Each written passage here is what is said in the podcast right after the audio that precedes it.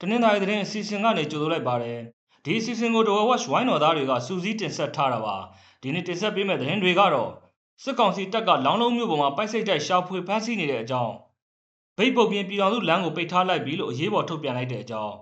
ထိုင်းမြန်မာနယ်စပ်သွားတဲ့မောတောင်လမ်းမှာနှစ်ရက်တာအတွင်းတိုက်ပွဲ၄ကြိမ်ထိဖြစ်ပွားခဲ့တဲ့အကြောင်းတနင်္သာရီမြို့နယ်ကစစ်ကောင်စီတပ်ရဲ့ရေပြူပြူဟာကုန်းကိုဝင်တိုက်တဲ့အခြေအနေ ကော့တောင်းလမ်းမှာခီးသက်တင်ကားတစ်စီးတနက်ပစ်ခံရပြီးကလေးတဦးနဲ့အမျိုးသမီးတဦးသေဆုံးခဲ့တဲ့အကြောင်းတဝဲမြို့အနောက်မြောက်ဘက်မှာရှိတဲ့ကိုကိုကျွန်းမှာတရုတ်ထောင်လိုင်းရေးစခန်းလို့တန်တရားဖြစ်ပွဲဂျရူးတပ်ပုံတွေထွက်ပေါ်လာတဲ့အကြောင်းရေဖြူမြို့နယ်မှာပြည်သူစစ်တဦးတနက်ပစ်ခံရတဲ့အကြောင်း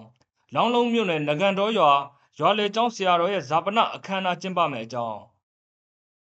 ဗိမြို့မှာတေဆုံးနေတဲ့အမျိုးသားရုပ်လောင်းနှလောင်းနှစ်ရက်စတိုက်တွေ့ရတဲ့အကြောင်းတွေအပါအဝင် တရိပ်ပြနေတဲ့ရွှေစည်းကွက်အကြောင်းစတဲ့သတင်းတွေကိုနားဆင်ရမှာဖြစ်ပါတယ်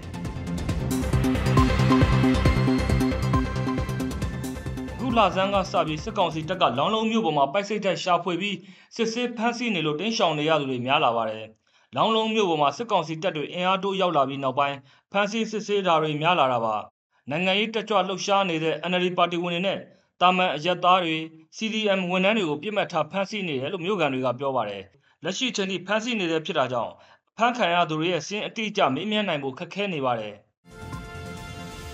ဗိတ်ပုတ်ပြင်ပြည်တော်စုလမ်းကိုဒီနေ့ကစပြီးပိတ်ထားလိုက်ပြီလို့ပြည်သူ့ကာကွယ်ရေးတပ်ကအရေးပေါ်ထုတ်ပြန်လိုက်ပါတယ်။ဗိတ်မြို့နယ်ကျင်းနံတိုင်းတရားကနေဗုတ်ပြင်းမြို့နယ်မနိုးယုံကျေးရွာအထိရင်တွေမတွာလာကြဖို့တားမြစ်လိုက်တာပါ။တနင်္သာရီမြို့နယ်ထုံခါမောတောင်ကုန်းသွယ်ရေးလမ်းကိုပိတ်လိုက်ပြီးနောက်၃ရက်အကြာမှာဒီလမ်းအုံပြုခွင့်ကိုလည်းကန့်သတ်လိုက်တာပါ။ အဲ့ဒီလမ်းပေါ်မှာတိုက်ပွဲအချိန်မီဖြစ်လာနိုင်တဲ့အတွက်ပြည်သူတွေထိခိုက်မှုမရှိအောင်တားမြစ်ရတာလို့ဆိုပါတယ်။တားမြစ်တာကိုလိုက်နာကြဖို့နဲ့ကြီးညာချက်ကိုပြန်မရုပ်သိမ်းခင်အချိန်ထိအတီးဖြစ်တယ်လို့ထုတ်ပြန်ချက်မှာဖော်ပြထားပါတယ်။ထိုင်းမြန်မာနယ်စပ်သွားတဲ့မောတောင်လမ်းမှာနှစ်ရက်တာအတွင်းတိုက်ပွဲ၄ကြိမ်ထိဖြစ်ပွားခဲ့ပါတယ်။တနင်္သာရီမြို့နယ်မှာရှိတဲ့အဲ့ဒီလမ်းမှာဧပြီလ၁ရက်နဲ့၂ရက်နေ့တွေမှာတိုက်ပွဲတွေဖြစ်ပွားခဲ့တာပါ။ဧပြီလ၁ရက်နေ့ကမောတောင်ကားလမ်းတိုင်းချီတက်လာတဲ့စစ်ကောင်စီတပ်အပါအဝင်ပြူစောတိ BGF ပူးပေါင်းတပ်နဲ့ပြည်သူ့ကာကွယ်ရေးပူးပေါင်းတပ်တွေတိုက်ပွဲ၃ကြိမ်ထိဖြစ်ပွားခဲ့ပြီးနောက်တစ်ရက်မှာလည်းတစ်ကြိမ်ထပ်မံဖြစ်ပွားခဲ့ပါတယ်။တိုက်ခိုက်မှုတွေကိုဗိတ်ခရိုင်ပြည်သူ့ကာကွယ်ရေးတပ်မတော်တပ်ရင်းနှစ်တပ်ခွက်တစ်အပါအဝင် KNU တပ်ဖွဲ့ကော်တူးလီတပ်မတော်တို့ကပူးပေါင်းတိုက်ခိုက်ခဲ့ကြတယ်လို့ဆိုပါတယ်။အဲ့ဒီတိုက်ပွဲတွေအတွင်းစစ်ကောင်စီတပ်သား10ဦးထံမှနဲ့တေဆုံးပြီးဒဏ်ရာရသူများပြားခဲ့တယ်လို့ဗိတ်ခရိုင်တပ်ရင်းနှစ်ကထုတ်ပြန်ထားပါတယ်။ပြည်သူ့ကာကွယ်ရေးတပ်ပေါင်းစုဘက်ကတော့ထိခိုက်တာမရှိဘူးလို့ဆိုပါတယ်။ တိုက်ပွဲအတွင်းဒေသခံ2000နီးပါးဘေးလွတ်ရာထွက်ပြေးတင်းရှောင်နေကြရပါတယ်။တိုက်ပွဲတွေနှစ်စဉ်နီးပါးဖြစ်နေတဲ့ထိုင်းမြန်မာနယ်စပ်သွားတဲ့မော့တောင်လမ်းကိုယာယီဖျက်ဆီးတာတွေမလုပ်ကြဘူးတနင်္သာရီပြည်သူ့ကာကွယ်ရေးအဖွဲ့ကမတ်လ31ရက်နေ့ကမြစ်တာရက်ခံထားပါတယ်။စစ်ကောင်စီတပ်ကခီးသွွားပြည်သူတွေကိုပြစ်ခတ်တာတွေလုပ်နေတဲ့အတွက်ထိခိုက်တာတွေလည်းရှိနေတယ်လို့ထုတ်ပြန်ချက်ကဆိုပါတယ်။ဒါကြောင့်မို့သက်ဆိုင်ရာတော်လိုင်းအဖွဲ့အစည်းတွေကခွင့်မပြုသေးခင်အချိန်ထိမတွာလာကြဖို့ထုတ်ပြန်တားမြစ်ထားတာဖြစ်ပါတယ်။ တနင်္သာရီမြို့နယ်ကစစ်ကောင်စီတပ်ရဲ့ရေဖြူဖြူဟာကုန်းကိုပြည်သူ့ကာကွယ်ရေးတပ်မတော်ဗိတ်ခရိုင်တရင်နှစ်ကဧပြီလ၁ရက်နေ့ကဝင်ရောက်တိုက်ခိုက်ခဲ့ပါတယ်။ဒီလိုဝင်တိုက်တဲ့အချိန်မှာနှစ်ဖက်အပြန်အလှန်ပစ်ခတ်ကြပြီးခရီးသွားပြည်သူတွေတွာလာနေတဲ့အတွက်အခြေအနေရပြန်လည်ဆုတ်ခွာခဲ့ရတယ်လို့ဗိတ်ခရိုင်တရင်နှစ်ကထုတ်ပြန်ထားပါတယ်။ဒါကြောင့်မို့စစ်ကောင်စီတပ်စခန်းအနီးဝန်းကျင်နေသူတွေအများဆုံးထွက်ခါကြဖို့ပြည်သူ့ကာကွယ်ရေးတပ်ကသတိပေးချက်ထုတ်ပြန်လိုက်ပါတယ်။ရေဖြူဖြူဟာကုန်းအနီးဝန်းကျင်မှာနေရင်၁၀လုံးဝန်းကျင်ရှိပြီးရွှေကံဘောစာစီယုံကုမ္ပဏီကလည်းရှိနေတာပါ။ ဗိတ်ကော်တောင်းလမ်းမှာခီးတဲ့တင်ကားတစ်တနက်ပစ်ခံရပြီးကလေးတဦးနဲ့အမျိုးသမီးတဦးသေဆုံးသွားပါတယ်။ရန်ကုန်ကနေကော်တောင်းဘက်သွားတဲ့မြက်မန္တလာခီးတဲ့တင်ကားဟာတနင်္သာရီမြို့အထွက်လဲတောင်ရွာနဲ့တမုတ်ချုံရွာကြားမှာဧပြီလ၁ရက်ညကအပြစ်ခံလိုက်ရတာပါ။ဒီလိုပြစ်ခံရတာကြောင့်ကားပေါ်ပါလာတဲ့အသက်45နှစ်အရွယ်အမျိုးသမီးတဦးနဲ့အသက်9နှစ်အရွယ်မိန်းကလေးတဦးသေဆုံးခဲ့ပါတယ်။ဒါအပြင်တန်ဃာတော်နှစ်ပါးနဲ့အမျိုးသား2ဦးလည်းဒဏ်ရာရခဲ့ပါတယ်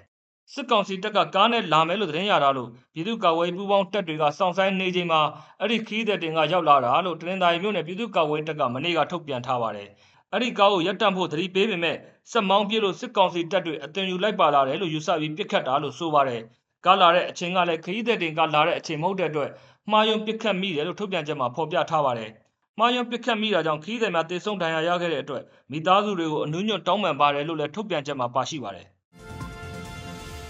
ဒဝံမြို့အနောက်မြောက်ဖြတ်မှာရှိတဲ့ကိုကိုကျွန်းမှာတရုတ်ထောက်လိုင်းရေးစခန်းလိုတန်တရားဖြစ်ပွဲဂျိုရူဓာတ်ပုံတွေထွက်ပေါ်လာပါတယ်။မဇာနိပညာကုမ္ပဏီကအခုနှစ်ဇန်နဝါရီလအတွင်းရိုက်ကူးရတဲ့ဂျိုရူဓာတ်ပုံတွေအရကိုကိုကျွန်းဒေတာတွင်တိစောက်မှုအသစ်တွေတွေ့ရတယ်လို့အိန္ဒိယသတင်းဌာနတွေမှာဖော်ပြထားပါတယ်။အဲဒီကျွန်းမှာမကြသေးခင်ကတိစောက်ထားတဲ့တိုးလောင်ယုံနှစ်ခုအပါအဝင်အဆောက်အုံအချို့နဲ့ကြီးမားတဲ့စိတ်ခံတရားတစ်ခုကိုတွေ့ရတယ်လို့ဆိုပါတယ်။မြန်မာပိုင်းကိုကိုကျွန်းစုကိုတရုတ်ဆိုရကစီးရေးအရဗျူဟာမြောက်ကျွန်းဖြစ်ကြိုးကင်နေတယ်လို့အိန္ဒိယနိုင်ငံကကာလကြာရှည်ကလေးကတန်တရားဝင်နေတာလည်းဖြစ်ပါတယ် ရေပြူမြို့နယ်ဖားချောင်းကျေးရွာအုပ်စုမှာလက်နက်ကင်ထားတဲ့ပြည်သူစစ်တအူးမတ်လ30ရက်နေ့ကတနက်နဲ့ပြစ်ခတ်လိုက်ရပါတယ်ပြစ်ခတ်ခံရသူကအသက်50ကျော်အရွယ်ဦးထွန်းအောင်ဖြစ်ပြီးနေအိမ်မှာရှိနေခြင်းအပြစ်ခံရပြီးဒဏ်ရာရသွားတယ်လို့ဆိုပါတယ်။ဒဏ်ရာရရှိသွားတဲ့ဦးထွန်းအောင်ကိုစစ်ကောင်စီကကားနဲ့တည်သွားပြီးမောရဝရီရေတဲ့ဆေးရုံမှာစစ်ကူတနေတယ်လို့ဆိုပါတယ်။လောင်းလုံးမြို့နယ်နာခံတော်ရွာလေចောင်းကြီးဆရာတော်ရဲ့ရုပ်ကလပ်ကိုဧပြီလ9ရက်နေ့မှာအန်တီမဇာပနအခမ်းအနားကျင်းပမှာဖြစ်ပါတယ်။ စခန်းကြီးတုဒ္ဓမပေါ်ဝါယနာဂိုင်းရဲ့ကျိုးတော်ဆောင်ချုပ်ဖြစ်တဲ့အသက်82နှစ်အရွယ်ဆရာတော်ဟာဧပြီလ1ရက်နေ့မနက်ကပြန်လွန်တော်မူခဲ့တာဖြစ်ပါတယ်။ဗိမ်းမြို့မှာတေဆုံးနေတဲ့မြို့သားရုပ်လောင်းနှစ်လောင်းကိုနှစ်ရက်စတိုက်တွေ့ရပါတယ်။ဧပြီလ1ရက်နေ့နဲ့2ရက်နေ့တွေမှာဘသူဘဝမှမသိရတဲ့ရုပ်လောင်းတွေတွေ့ရတာပါ။ဗိတ်တောင်နေမြေဒဝဲကန်းရက်ကွက်မှာအသက်50နှစ်ကျော်အရွယ်ရုပ်လောင်းနဲ့ကွက်တိရက်ကွက်ကန်းနာလန်းမှာအသက်60နှစ်အရွယ်ရုပ်လောင်းတွေတွေ့ရတာဖြစ်ပါတယ်။ ဗိမ်းမြို့မှာပိုင်ရှင်မဲ့ရုပ်လောင်းတွေတွေ့ရလေရှိပြီးတေဆုံးသူအများစုဟာအင်ဂျီယာမဲ့အဖြစ်အဝေးပြေကာဝင်လမ်းဘေးကနားနေဆောင်တွေမှာလှည့်လည်နေထိုင်လေးရှိတယ်လို့ဆိုပါတယ်နောက်ဆုံးတစ်ပုတ်အနေနဲ့ရွှေဈေးကွက်အကြောင်းပြောပြသွားပါမယ်။ဒဝယ်ဈေးကွက်ပေါက်ဈေးအရအခောက်ရွှေရာတက်ရိပ်ပြနေပြီးတစ်ကြက်သားကို29သိန်း3000နဲ့ဈေးဖွင့်ထားပါတယ်။ပြီးခဲ့တဲ့မတ်လ31ရက်နေ့ထက်တစ်ကြက်သားကိုငွေကျပ်1000ဈေးတက်သွားပါတယ်။ထိုင်းဘတ်ဈေးကတော့ကြာရိပ်ပြလာပြီးထိုင်းငွေတစ်ပတ်ကို83ကျပ်နီးပါးပေါက်ဈေးရှိနေပါတယ်။